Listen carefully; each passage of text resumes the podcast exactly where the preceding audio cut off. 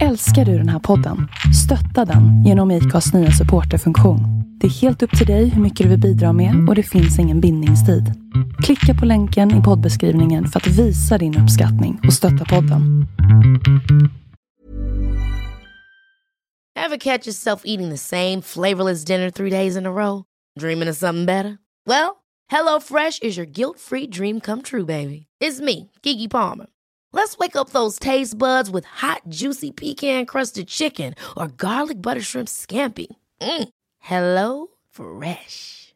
Stop dreaming of all the delicious possibilities and dig in at HelloFresh.com. Let's get this dinner party started.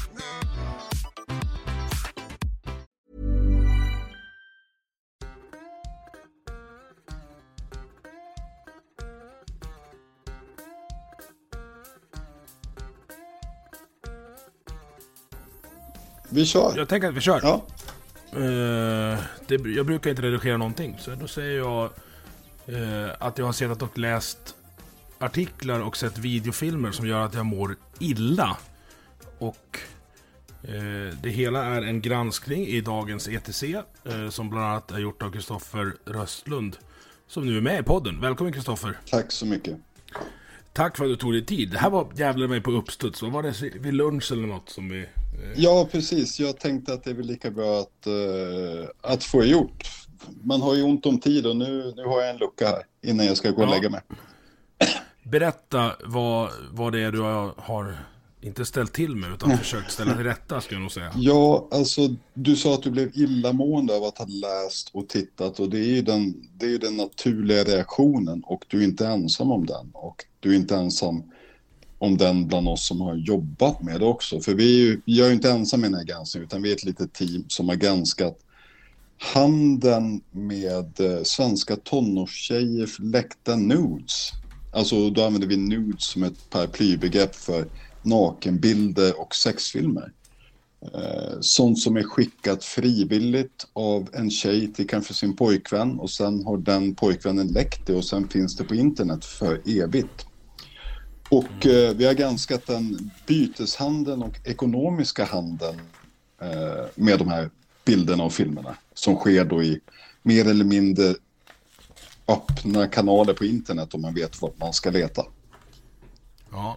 Jag ska inte ge något tips till någon som vet men, men, alltså man, man har...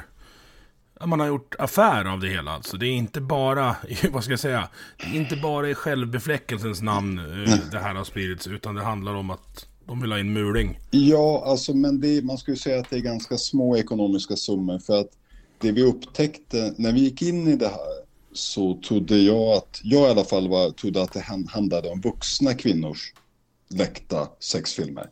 Men till största delen handlar det om, eh, om tonåringars sexfilmer och då pratar vi alltså eh, under 18, minderåriga. Eh, och Barnporr. Ja, eh, juri, juridiskt är det ju barnpornografi om personen är under 18 och det är en sexuell, eh, ett sexuellt kontext i filmen och, eller bilden. Och eh, så att de som säljer och dealar med det här är inte de, den schablonbilden av en pedofil som du får upp i ditt huvud när du tänker på ordet pedofil utan de, de som verkar som dealar mest med det här är andra unga män i samma ålder. Det är alltså det är tonår, tonårskillar som byter och eh, säljer eh, sina jämnåriga, eh, jämnårigas privata sexfilmer. Och man, man använder lite som eh, eh hockeybilder eller fotbollsbilder liksom. Eh, så att jag menar, det är inga stora pengar de här killarna har dragit in som vi kan spåra. Det handlar om tusenlappar. Som såklart för en tonåring är mycket pengar, men det är inte en, det är inte en business för organiserad brottslighet. Du har konfronterat de här. Det ligger en del uh, ute i granskningen på, på ETC. Både film och, och ljud. Ja, Men, men om det, jag får inte ihop det riktigt. Om det inte är liksom för, ja, men för, för egen tillfredsställelse framför skärmen och det inte är pengar. Alltså, Alltså, när det- du pratar alltså, hockeybilder, det- det är någon slags hoarding av något Ja, slag som är... det är hoarding. Alltså, men man ska säga att det, det är lite av allting. Det är klart att de som, de som säljer det här, de, de får in pengar och är 15 år och får in 5 000, pengar, 5 000 spänn. Det är ju klart att det är mycket pengar för en 15-åring. Eh, men och samtidigt att man då att man samlar och man, man vill ha mycket, man hårdar. Eh, men mycket handlar, jargongen i de här kanalerna handlar om att man ska exponera horor. Alltså exposa mm. orrar som, som ungdomarna säger. Man, då vill, man ska hänga ut de här tjejerna också. Att det är både en sexuell attraktion men tjejerna ska skämmas och hängas ut och stämplas som horor. Och så kan man tjäna en slant. Men, men man ska, jag ska också säga att de som har tjänat, de, som har, de här tonåringarna som har dragit in pengar på det här, de har ju egentligen bara samlat ihop saker som finns på internet redan, flyter omkring mm. och paketerat och gjort det liksom snabbt och lätt. Liksom, här får du 5000 bilder för 200 spänn. Då behöver du inte leta själv. Nej. Men, men liksom, jag menar, i de här kanalerna så liksom folk byter och ger bort saker gratis. Och det är inte, det är inte den ekonomiska vinningen som är, en, som är den största drivkraften. Alltså är vi och nosar på inceltöntarna här också eller? Jag ska, man ska, ja, jag, som, jag ska väl inte använda de orden, men det finns vissa vibbar här. Men jag menar det är av, av folk som kanske har hamnat lite, speciellt de äldre, i det här grävet så konfronterar vi en 27-årig kille. Mm. Och han är ju, han har ju passerat tonåren sedan länge och är ju vuxen. Och honom, han kan man nog säga kanske hamnar lite snett i livet och nosar lite på den bitterheten och kvinnohatet som finns inom incelrörelsen. Men eh, jag kan nog inte säga att han är, han är liksom talande för hela den här svängen. Men jag menar den här kanalen som vi infiltrerade, som vi gick in i, den hade ju som mest 8000 medlemmar. Och de fick 8000 medlemmar på under en vecka. Mm. Så vi snackar, alltså du, på 8000 pers. Det finns ju alla, alla representanter. Och jag menar, där, men majoriteten är ju unga män och tonårskillar. Ja, eh, ja, som jag skrev, jag har ju två, mm. två döttrar som inte är tio någon år än. Men alltså, jag, jag har sett filmen när, när, du går, när, du, när du knackar på och pratar mm. med någon. Mm. Och så har jag gjort researchen på dig idag. Och du har väl, vad ska vi säga, ett i varje fall eh, visuellt aggressiv eh, bakgrund i punkrörelsen. Ja. Det... Alltså, hur mycket kliar det i dina knogar när du får träffa de här människorna? Nej, men det, det, det gör det faktiskt inte. Det ska jag säga att jag är inte, jag är inte sugen på, på att spöa folk. Jag, ändå, jag har jobbat som journalist i, i 27 år och eh, har väl de senaste åren ägnat mig väldigt mycket åt, åt granskningar och eh, där det finns mer eller mindre klandervärda människor som man vill utkräva ansvar för. Men det kliar faktiskt inte i knogarna. Jag blir mer, jag blir mer be, beklämd på något sätt. För att jag, mm. jag, jag menar, jag trodde ju att vi kanske var på väg åt rätt håll gällande synen på, på män och kvinnor. Men det, vi tycks ha backat från när jag var ung. För att jag menar det här att, att man pratade om att tjejer som hade en aktiv sexualitet eh, var horor. Det gjorde man ju även när jag var ung. Mm. Och jag trodde att vi var på väg bort från det, men, men tydligen inte. Nej, det kanske bara har... Nu är du... Du är 67 eller vad är du? Nej, jag är 77. Alltså att jag är 40... 77? Så jag är 40... Ja, men då är vi jämn, ja. jämngamla. Ja, jag är 45. Uh, och jag är 43. Och jag liksom... Ja, men jag, jag tänker mycket på det där. Alltså, och mm. när man får döttrar så blir det ju något sånt... Det finns ju något sånt här skällsord som heter pappafeminist. Ja. Och det tror jag inte att jag är. Men alltså jag, jag vill ju att ungarna ska ha det så bra som möjligt. Men Vet, när jag läser det här, vi har ju sagt att Maja, eller Emma kanske ska få en iPhone när hon blir 10. Mm. Och jag vet inte fan längre alltså. Alltså jag, jag har ju en dotter som är 13 som är ju exakt rätt ålder på liksom, ja, de yngsta tjejerna vi har hittat i de här uthängda bilderna är ju 13. Mm. Eh, så det är klart att det här är ju ett jobb som har träffat det rätt i mina hjärttrakter också. Det, det kan jag inte ljuga om. Eh, men, ja, och jag är inte pappa feminist. Jag menar, jag var ju feminist långt innan jag fick barn. Och det är jag fortfarande. Men, eh, nu kommer jag av mig lite vad jag ville säga. Ja, det, det är beklämmande, får man ju säga. Ja, men det slog, jag, förlåt, jag, jag tappade bort din fråga faktiskt. Nej men så här, granaten hamnar ganska nära hemmet Ja. om vi säger så. I och med att du har en dotter som är i, Ja, i de här åldrarna. ja jo, Och- det jag och skulle... vad fan säger man skulle- till henne då? Det, ja, alltså hon har ju varit en ingång i här för att... eh, För att... eh, Jag menar... När vi, en av de här tjejerna som väljer att träda fram med namn och bild i vår artikelserie, som har blivit uthängd. Det är en, det är en eh, ung tjej som heter Saga och är 15. Och vi hittade ju hennes material. I det här materialet så hade hon en egen mapp med sina läckta sexbilder. Eller nakenfilmer. Och hon verkade vara någon sorts TikTok-influencer. Och hur jag än gubb-googlade så lyckades jag inte få upp något som gick och sa någonting överhuvudtaget nästan. Tills jag frågade min dotter och frågade, vet du vem den här Saga är? Och min dotter säger, ja, hon är superkänd. Mm. Så att det var ju också, då började jag förstå liksom att hela den här världen av, av tonåringar där någon som är 15 och har hundratusentals följare på TikTok är skitkänd bland 15-åringar i Sverige men ingen över 20 vet vem hon är. Så det är ett helt, helt egen värld och där har hon blivit ett hett villebråd. Alla vill ha henne, alla 15-åringar vill ha hennes läckta nakenfilmer är en kändis. Som ungefär som någon vuxen skulle jaga läckta nakenbilder på en Hollywoodskådis om du fattar. Mm.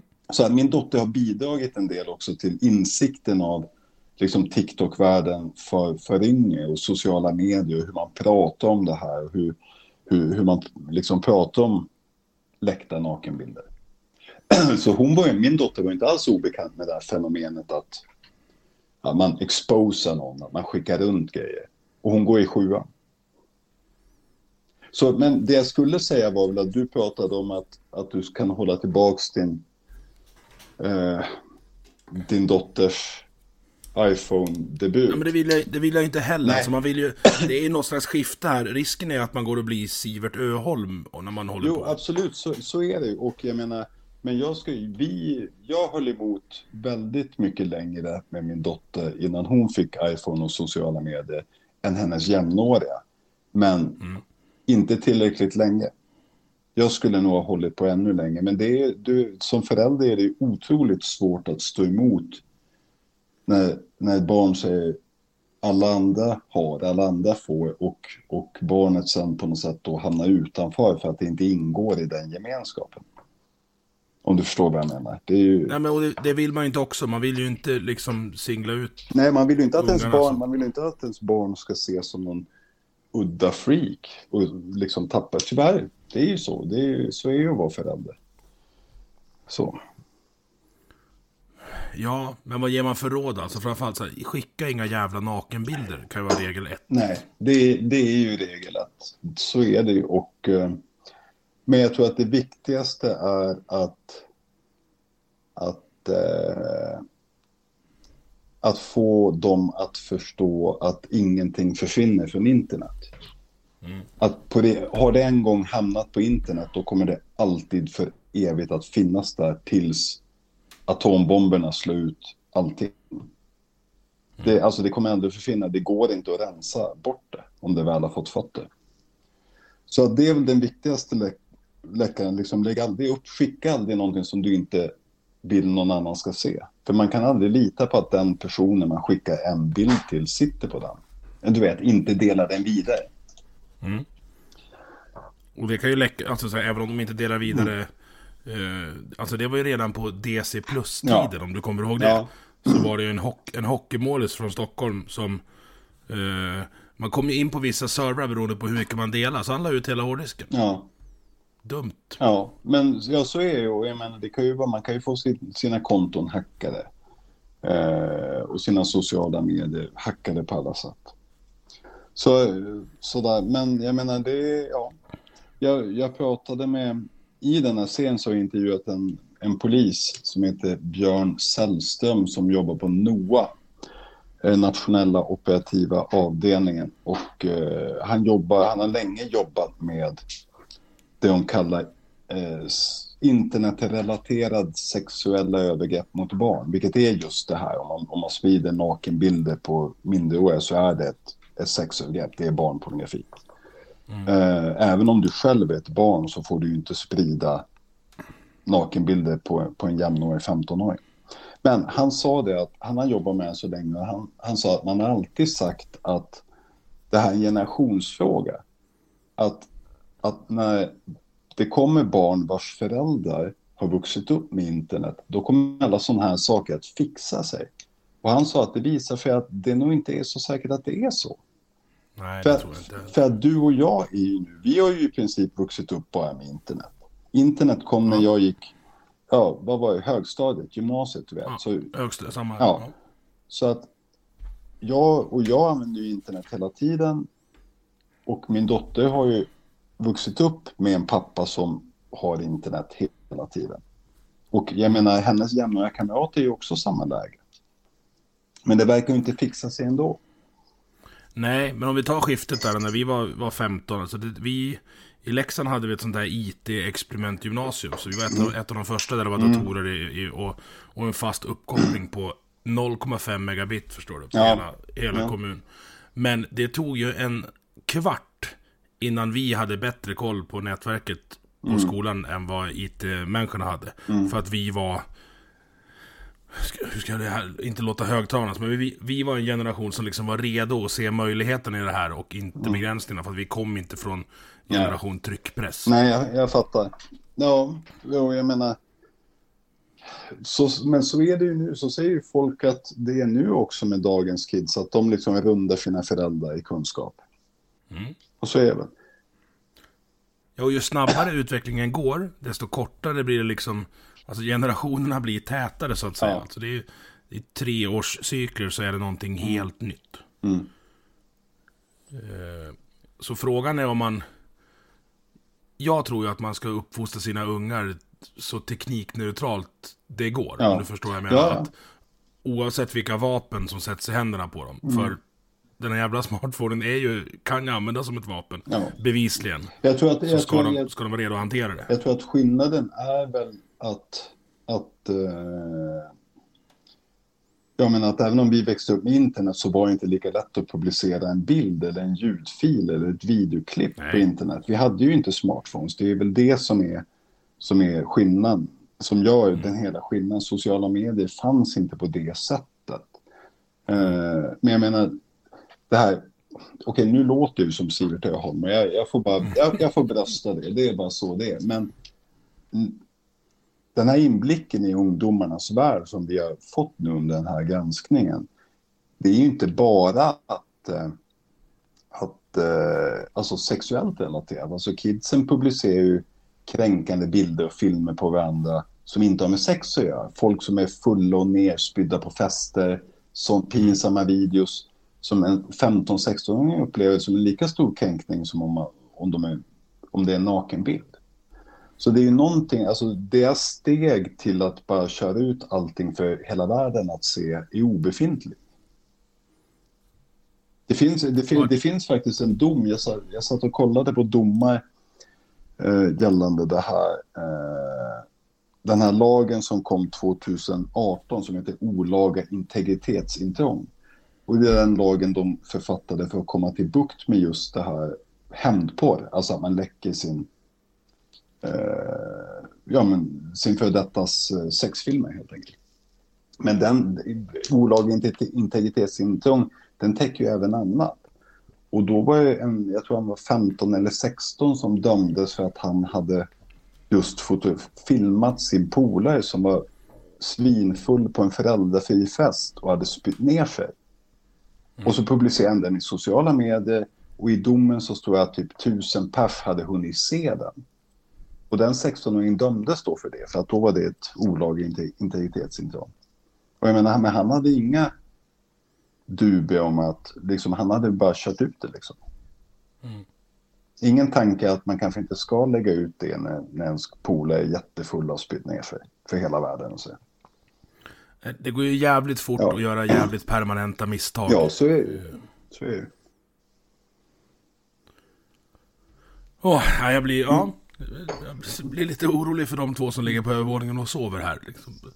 Ja, så, ja, jag förstår det. Och samtidigt är jag ju, jag är ju liksom som förälder och så det går ju inte att övervaka sina barn hela tiden när de blir 13, 12, 13, 14. Du, du förlorar ju väldigt snabbt liksom, kollen och man ska inte övervaka sina barn heller för de måste ju få bli sin egen person och bilda sig sitt eget liv. Liksom. Mm. Och bli, bli en personlighet.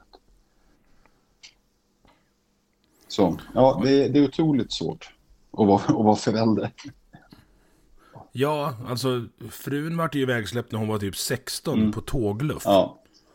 Bah, det vet jag inte riktigt om det kommer hända faktiskt. Nej, jag menar jag, jag var väl lite mer hårt hållen så att jag fick börja åka på ja, men, Hultsfred och Roskilde när jag var 16. Men mina polare mm. hade fått börja åka liksom två år innan. De åkte när de var 13-14 började de åka till Hultsfred. Jag menar, ja. det känns ju ganska... Det känns overkligt att släppa iväg liksom min, min dotter nu, alltså till sommaren typ, att hon skulle åka, åka på en musikfestival och tälta i flera dagar. Men det är också det här med, med tjejer och killar. Alltså tjejer är mer... Eller så här, killar är, röv, killar är mer rövhål än vad tjejer är. Och tjejer är killars targets.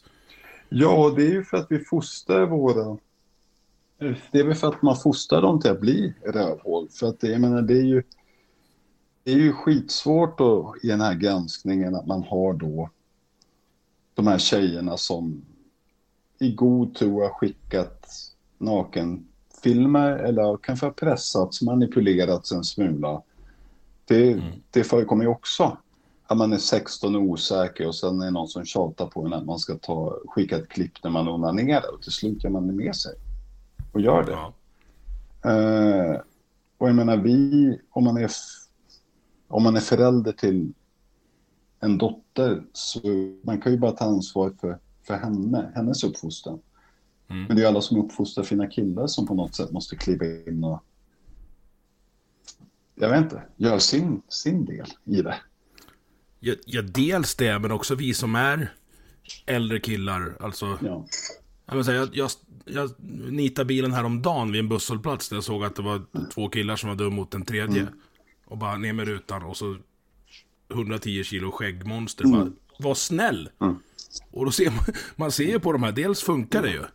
Men man, jag tycker också se med någonting i ögonen på att de här är inte vana att bli tillsagda. Nej. Visst, jag och mina kollegor i torsdags, i torsdags kväll stod utanför, ja men vi hade tagit en AB för att fira den här granskningen så vi stod utanför en en pub då och tog en cigg halv nio en torsdagkväll mitt i Stockholm city och så eh, stoppa ett, ett rån. En 16-årig kille som kommer springande och blir jagad av typ tre fyra stycken jämnåriga killar. Eh, och de får tag i honom och börjar slå honom och, och sparka honom och han, eh, han skriker på hjälp. Och vi, vi då springer fram och börjar, och så fort vi skriker åt dem, sluta, sluta, så schappar ju de här killarna. De vänder ju och mm. springer fort som satan därifrån. Eh, men det var, ja, det var också för den killen då som blev utsatt som vi, eh, ja men han var helt chockad och följde med oss in och satt en stund innan vi satte honom i en taxi hem. Eh, han var ju verkligen bara ett barn. Mm. Och det var ju även de som hade jagat och och sparkat honom. Och, och ville ta hans, de ville stjäla hans keps. Mm. Och då dök ni upp, det bästa vi har, mm. män i grupp. Ja. Ja. Jag ser, jo, men, I, I, I see I wondered into that. Ja, ja. jo men alltså, jag, alltså män i grupp är fan det bästa vi har. Om det är rätt män. Det är alltså, jag bangar inte. Jag, jag, rätt sorts män behöver vi fler av. Fel sorts, de borde få stryk tidigare. Ja, ja. Jag ska inte gå det tänker jag inte säga någonting om. Men det var, det var i alla fall ändå lite, lite chockerande att liksom det var, det var halv nio en torsdagkväll mitt i Stockholm city. Det var jättemycket folk. Det var inte omkring. Det var inte en folktom del av stan. Liksom. Men att de ändå vågade göra det. Alltså ens försöka. Mm. Men det, det lustiga, jag, jag berättar det här för så jag är, jag är inflyttad, jag är inte ur Stockholm, jag har bara bott här i 20 år. Mm. Eh, men jag pratade med en, eh, en av mina bästa vänner som är urstockholmare, uppvuxen i Hässelby. Och han bara, ja det där var den killen du stoppade rånet mot, det var exakt jag när jag var i den åldern. Jag har blivit rånad så väldigt många, alltså jättemånga gånger. Mitt på ljusan dag i ett köpcentrum, i gallerier liksom. Och det, ja, det är chockerande faktiskt. Att man är så otroligt ruthless att man inte ens bryr sig om att det står jättemycket folk omkring en. Mm. Det finns nu kommer jag inte ihåg vem det är, men det är någon som har, mynt, myntat uttrycket generation villebråd. Att, att ungarna vänjer sig vid det här nu. Det är vardag för dem. Ja, Det, alltså det... Fan vad fel det ja är. Alltså och det där, då, det där i generation villebråd är ju eh, är ju typ en term som, vad ska man säga, Stollehögen eh, använder för att säga att det här är något som har kommit senaste åren med invandring. Men som jag just berättade, min polare var ju ung för Mm. 20 år sedan. Liksom. Så att här i Stockholm har det i alla fall förekommit under lång tid. Ja, och jag, alltså vi, vi ska prata om granskningen, men Ja, alltså ja. jag... jag Mm. ja. Men, men jag, jag, jag, känner, jag känner lite igen mig för att jag har haft turen att alltid vara väldigt stor så jag har väldigt sällan haft problem med andra män i offentliga miljöer. Nej men sen har du är ju uppvuxen som sagt uppe i Ja, Norrland. Umeå, stämmer. Eh, och det, det de har i Stockholm som, som inte vi i mindre orter har, är den anonymiteten. Alltså det spelar ingen roll om jag ska dra på mig en rånarluva. Folk skulle veta att det var jag i alla Nu fall. måste jag lo lokalpatrioten ändå kliva fram här och säga att Umeå ändå är en Norrlands huvudstad och har nästan 100 000 invånare. Så det är inte en, det är inte en liten by. Måste jag, Nej. vän av ordning, protestera här. Men det är ändå lättare att försvinna i Stockholm Ja, det än... är det absolut. Det är det absolut. än i Vännäs, Ja, ja, det är klart att det är. Och absolut så var det ju betydligt lättare när jag växte upp i Umeå att, att, eh, att, liksom, att inte vara anonym. För att, att Stockholm har alltid varit stort. Umeå var väl lite, lite av en mindre stad när jag var... Ja. Nej, där- och när jag, när jag kollar din historia så ser det inte anonym ut som det har varit någonting du har eftersträvat heller genom åren. Nej, det, det har inte Nej. varit min grej. Det, det har vi också gemensamt. Ja, ja. Även fast jag gick och blev stolle höger eller Millions of people have lost weight with personalized plans from Noom, like Evan, who can't stand salads and still lost 50 pounds. Salads, generally, for most people, are the easy button, right? For me, that wasn't an option. I never really was a salad guy. That's just not who I am. But Noom worked for me. Get your personalized plan today at Noom.com. Real Noom user compensated to provide their story. In four weeks, the typical Noom user can expect to lose one to two pounds per week. Individual results may vary. Ever catch yourself eating the same flavorless dinner three days in a row? Dreaming of something better? Well, HelloFresh is your guilt-free dream come true, baby. It's me, Kiki Palmer. Let's wake up those taste buds with hot, juicy pecan-crusted chicken or garlic butter shrimp scampi. Mm. Hello Fresh. Stop dreaming of all the delicious possibilities and dig in at HelloFresh.com. Let's get this dinner party started.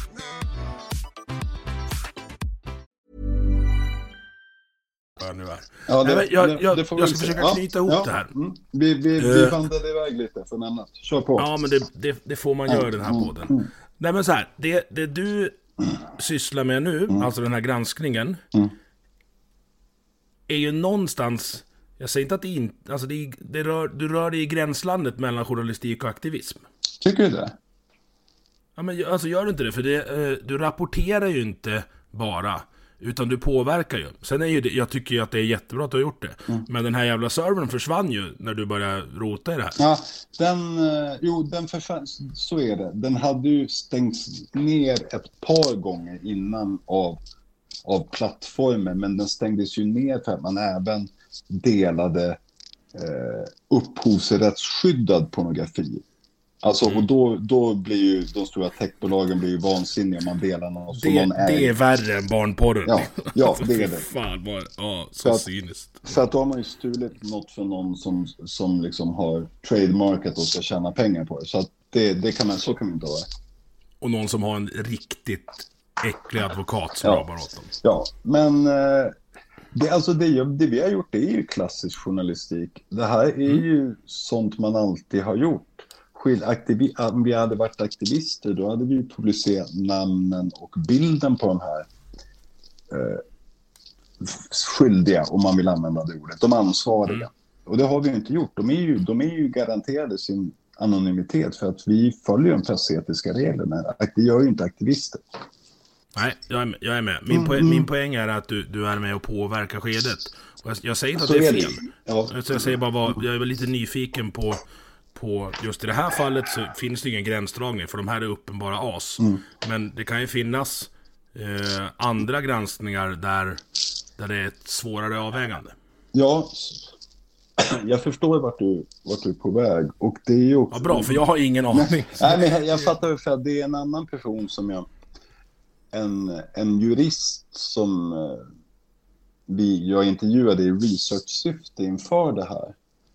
Och den eh, åklagaren tyckte då att vi skulle polisanmäla innan vi, innan vi konfronterade och publicerade. För att om man, om man, annars, om man konfronterar och publicerar så hinner ju en förövare förstöra bevismaterial. Du fattar du?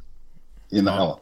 Men då blir man ju ännu mer aktivist. Det är, alltså, journalister kan ju inte gå polisanmäla dem alltså när man skriver. Så fun det funkar ju inte heller riktigt. Då, Nej. då, då påverkar man ju skedet ännu mer. För jag tänker så här, du, du tog upp pressetiska reglerna Mm. och anonymiseringen och ja, alltså jag hamnar ju på dumpenspåret Ja. eh, hur jag än tänker här. Är, är det det som skiljer? Eh, förutom att du kanske hoppar lite lägre. Ja, det där, ja, nu, det där skämtet var jag med på. Eh, Ja, vad bra. Eh, ja, alltså. Det är så. Det är ju, jag tycker att det är lite märkligt ändå att Dumpen, som ju jag också, som ju, jag ju också har granskat väldigt, väldigt mycket, Mm. har blivit ett begrepp så otroligt snabbt på bara ett och ett halvt år, knappt det. Att det är som att folk har glömt bort att sån här journalistik har ju alltid gjorts.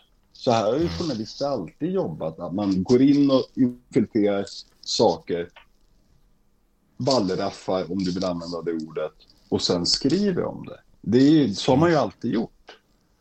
Eh, så jag vet inte. Det är väl jättemycket som skiljer oss från Dumpen. Jo, alltså du, ja, det var lite det jag menade med hoppar. Alltså jag tror att, att Patriks namn har, har dragit till med hans historia med styvfarsan. Ja. Men sen tror jag också de lever lite på eh, att det finns ett, ett glapp mellan det som kallas det allmänna rättsmedvetandet och hur poliser hanterar sånt här. Och dyker upp ett glapp, då dyker det upp populister. För det är typ det de är.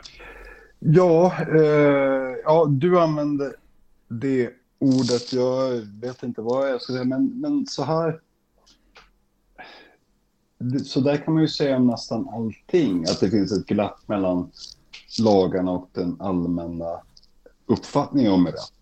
Det är ju det, det, är det som också, jag menar, vi har ju ett rättssamhälle för att vi inte ska ha högafflare och facklor och att man hänger folk i närmsta träd.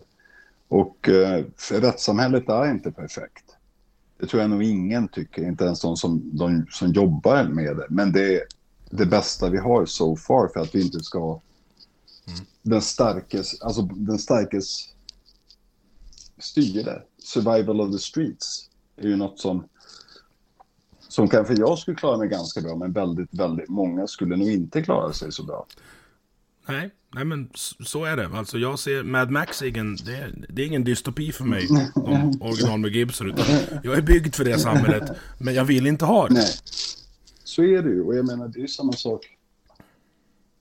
Det bär väl emot att säga för en eh, gammal punkare att även om jag är väldigt kritisk till mycket med polisen så är det ändå något som tyvärr behövs som samhället ser ut nu.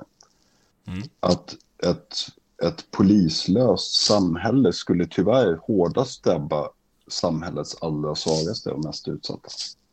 Så är det alltid. Alla försämringar eh, drabbar alltid fringen först. Det spelar ingen roll vad vi ändrar på egentligen. Med det sagt så får man ju säga att det finns ju klara, finns potential för klara förbättringar inom den svenska polisen, säger jag diplomatiskt. Ja, eh, jag tycker det där är jätteroligt när de bara säger vi ska sänka IQ-kraven och så tittar de, vänta nu, du tittar på problemen vi har och du tänker att lösningen är vi behöver dummare poliser. Det håller jag inte riktigt med om. Jag tycker väl att det, det, det svensk polis håller på med i sina sociala mediekanaler är väl något som borde upphöra skyndsamt. Att det, Ja. att det är inget statens våldsmonopol ska syssla med att bedriva, jag vet inte, memkultur på sociala medier. Nej, jag håller med. Jag håller med. Så. Men, men, men det allmänna rätts... Ja, vad som skiljer. Problemet är att vi har ju de lagar vi har gällande just, om vi ska hålla oss till dumpen, liksom. Att det de uthängda männen har eh, gjort och det de hängts ut för är ju inte ett brott i Sverige. Nej. I andra länder är det ett brott. Och det, det får man ju säga att, att både Sara Nilsson och Patrik Sjöberg är öppna med att de lobbar för. De jobbar ju hårt för att eh, uppvakta politiker och tycker att man ska skriva om lagarna så att det blir som i England till exempel, där det blir tillåtet med sån här brottsprovokation. För att få fast då eh, ja, men barnpornograf, barnpornografihandlare och pedofiler. Mm. Så. Men Ja, det, det, alltså, det kan jag hålla med om. Och det, det, det, det kanske kommer ut något gott av det eh, också. Men det är ju, alltså det är någon slags av, vad ska jag säga, social misärporr. Eh, blir det ju. Alltså det är ju, eh, det är som Lyxfällan på steroider och på TV3. På något sätt. Att man liksom gottar sig i det fula. Ja, lite så blir det ju. Och jag menar, de här männen som hängs ut, oavsett vad man tycker om det de har gjort och vad de kanske har i bagaget, så har ju de eh, nära och anhöriga som är oskyldiga. Och det är ju, har ju bevisats gång på gång att the fallout, eh, the collateral damage blir familjen och de omkring. Genom de offentliga uthängningarna. Och det är ju inget hittepå. Att det är ju anhöriga som trakasseras och utsätts för hot. Ja, och där, alltså där kan man ha en rättsfilosofisk diskussion, säkert över flera uh, nätter, uh, vem som är ansvarig för de anhöriga. Den ena sidan kommer säga att men de är inte skyldiga, den andra sidan säger att men han är, är familjefar, han ska, ja, så. Och där, de som tycker olika där kommer nog sällan komma överens. Men om något annat gott kommer ut dumpen så är att diskussionen tas. Och att folk kanske blir rädd för att, för att groma. Mm. Ja, eh, ja, avskräckning verkar ju inte funka. Jag menar, Dumpen är ju otroligt omskrivna Mm. och har fått otroligt mycket publicitet senaste året och ändå fortsätter de att, att eh, hänga ut män som går i fällan. Så att uppenbarligen så är den avskräckande effekten inte särskilt stor. Precis som att det finns vetenskap att längre, hård, längre fängelsestraff inte egentligen avskräcker brottslingar särskilt mycket. Så. Nej. Eh, du, jag är så glad att jag fick prata med dig och jag är så arg att jag behövde. Ja. Eh, men jag har några frågor, så alltså när man researchar här.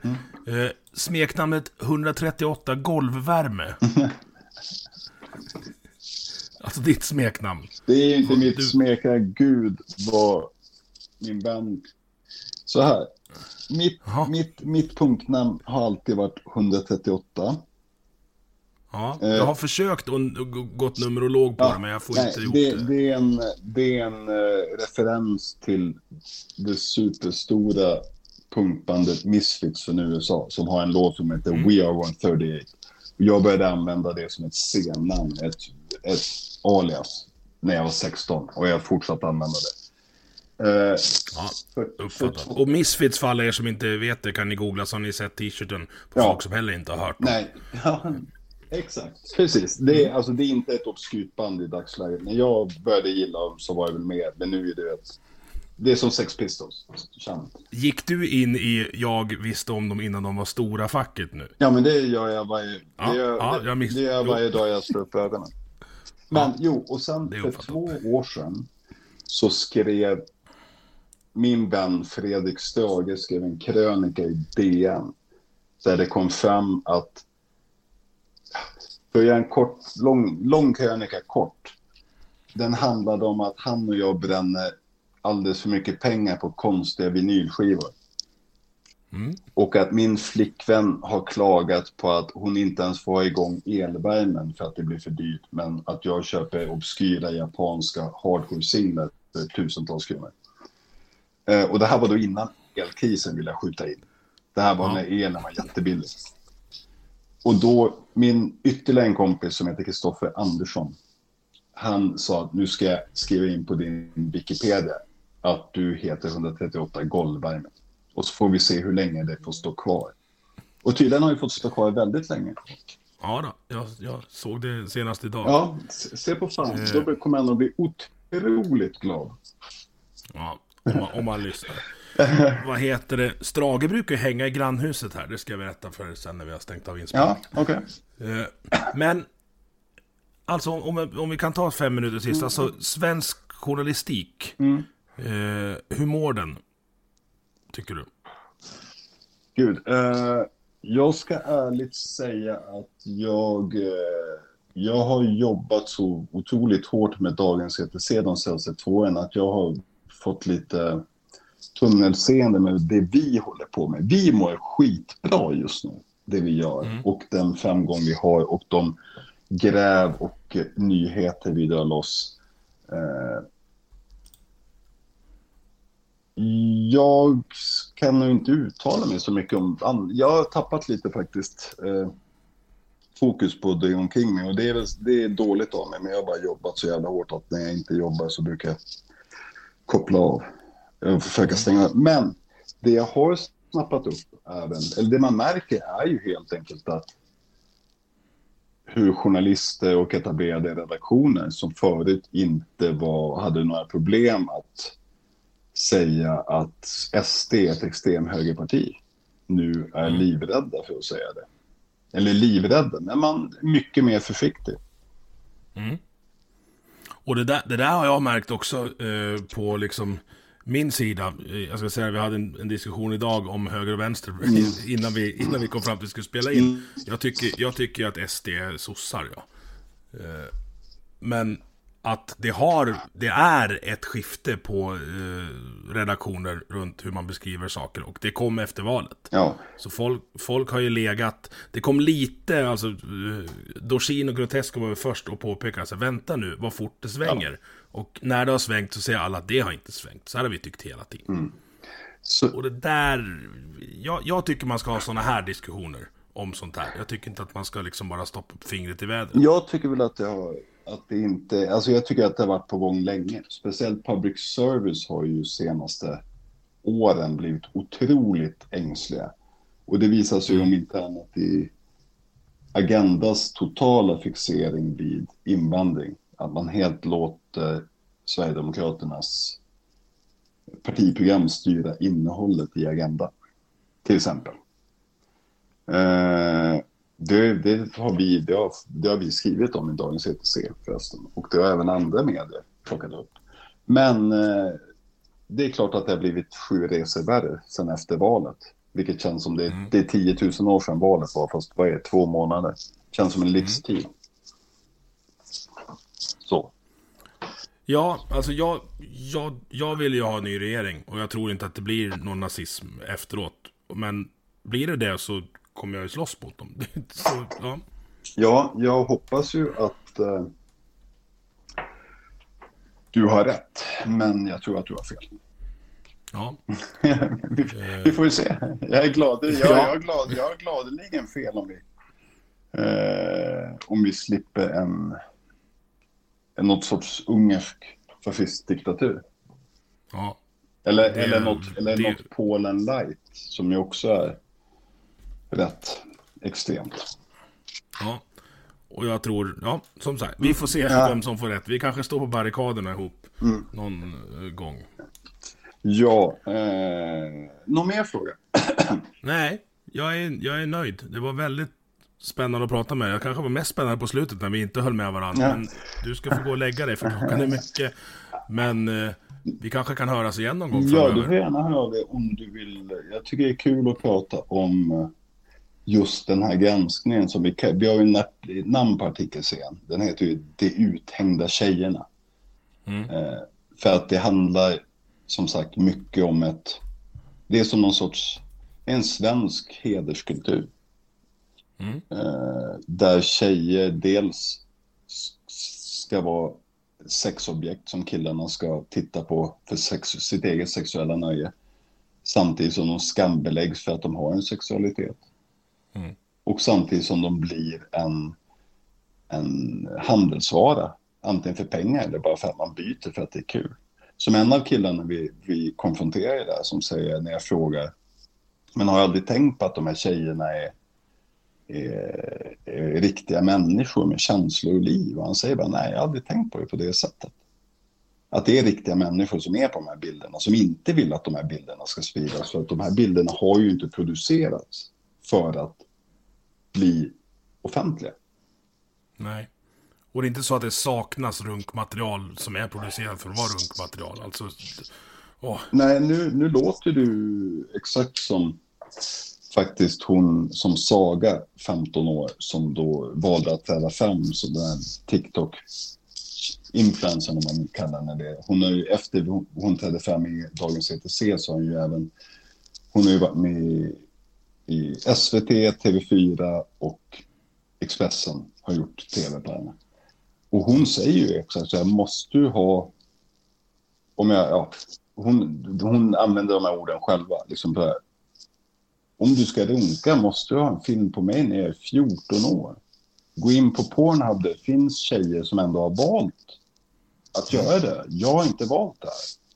Och jag är 14 i materialet. Och ja, det är väl, det är väl på något sätt en, en 15-årings logik bakom det resonemanget. Men hon har ju inte helt fel. Nej, men det är väl en hyfsad jävla grundregel att oavsett om du ska ha sex med någon som är i rummet med dig eller på en skärm så ska det vara frivilligt. Alltså, tycker man inte det, då ska man ju fan inte gå, gå ut i samhället. Nej, men alltså så här, för att avsluta bara, i och med att den här polisen jag pratar med som jobbar med det här och säger att det här är ganska nytt för polisen som i vanliga fall handskas med alltså barnpornografi skapat av, av och för pedofiler. Och då kallar ju polisen det för övergreppsmaterial. För att det är skapat, att filmen eller bilderna är skapade som ett övergrepp. Och de som eftertraktade vet att det är ett övergrepp och det marknadsförs som ett övergrepp. Men det här materialet på de här kanalerna som vi har granskat i de uthängda tjejerna, det är ju material som har producerats frivilligt. Alltså, en 17-årig tjej och kille som filmar varandra när de har sex. Båda är med på det. Sen tar det slut och killen sprider filmerna. Eller liksom någon tjej som skickar eh, nakenbilder till en flört och sen sprider flörten det. Jag menar, det är det, polisen sa att det är det som är knepigt, att materialet har producerats frivilligt. Och då är det okej. Men när det sprids så blir det ett övergrepp. Så det är själva spridningen som är övergreppet, inte produktionen av materialet. Och det är väl det som skiljer det från, vad ska man säga, ja, for lack of better words, traditionell barnpornografi. Ja, nu blev det här väldigt, nu avslutade vi väldigt uh, juri, kan vi ju, juridiskt, juridiskt och fackmannamässigt. Jo, men är det så att lagarna inte rä- räcker för att sätta åt de här som distribuerar mot folks vilja, då får man ju skriva nya lagar. Nej, men- Alla lagar är ju påhittade av folk. Ja, Alltså, nej, lagarna finns. Det finns lagar, Ja. men polisen saknar väl resurser för att, och det är svårgreppbart. De saknar väl i viss mån tillräckligt många, de saknar människor med kompetensen för det här. Den finns, men det är för få människor inom polisen som har kompetensen att, att granska de här inte, sociala medieforumen där det här pågår. För det, alltså det är ju inte vem som helst som kan göra det här. Det är inte, vem, alltså det är inte som att du kan plocka en, en patrullerande... Nej, men du behöver ju ha en riktig jävla IT-forensiker som, som bara Ja. dyker in. Ja. Och, och, ja. Exakt så behöver du. Faktiskt. Det behöver vara någon sorts CSI-personer. Och det är inte samma personer som som gör en razzia mot en, mot en, jag menar, en narkotikaförsäljare i en lägenhet. Nej. Så, Du, ja. nu vart det juridiskt på slutet, Ja. men återigen, tack för att jag fick snacka med dig. ja, tack själv. Eh, Det blir kul att höra det här. Du har lyssnat på Vi måste prata som produceras av mig, Emil Nilsson. Tycker du om det du hörde? Dela avsnittet med dina vänner och på sociala medier. Vill du stötta podden kan du göra det via Patreon där du hittar den på patreon.com snedstreck vi måste prata i ett ord. Eller så swishar du en slant till nummer 123 671 46 79. Vi hörs!